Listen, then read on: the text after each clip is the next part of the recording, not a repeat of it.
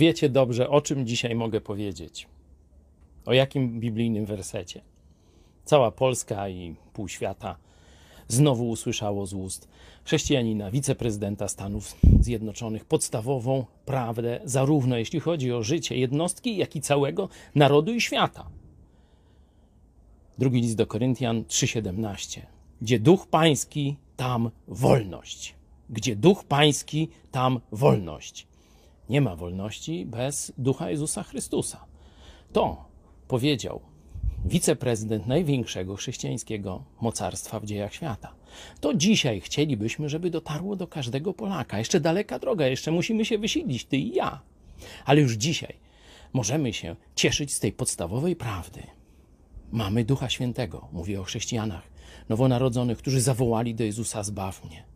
Czyli wolność od grzechu już mamy w Jezusie Chrystusie. Wolność, że żaden człowiek nad nami już nie będzie mentalnie panował. Mamy w Jezusie Chrystusie. Teraz, łącząc razem wysiłki tych, którzy już poznali wolność, mamy przed sobą zadanie zbudować państwo, gdzie będzie rzeczywiście wolność. To jest zadanie, które daje nam Bóg, to jest zadanie, które odziedziczyliśmy po przodkach, bo kiedyś Rzeczpospolita była państwem wolności, tak jak dzisiaj są Stany Zjednoczone.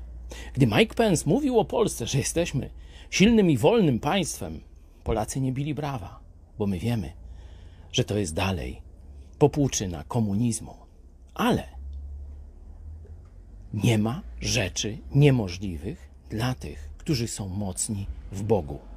Jeśli będzie odpowiednia grupa Polaków, mocnych w Jezusie Chrystusie, zgranych, zorganizowanych, to będziemy niebawem mieli wolną Polskę.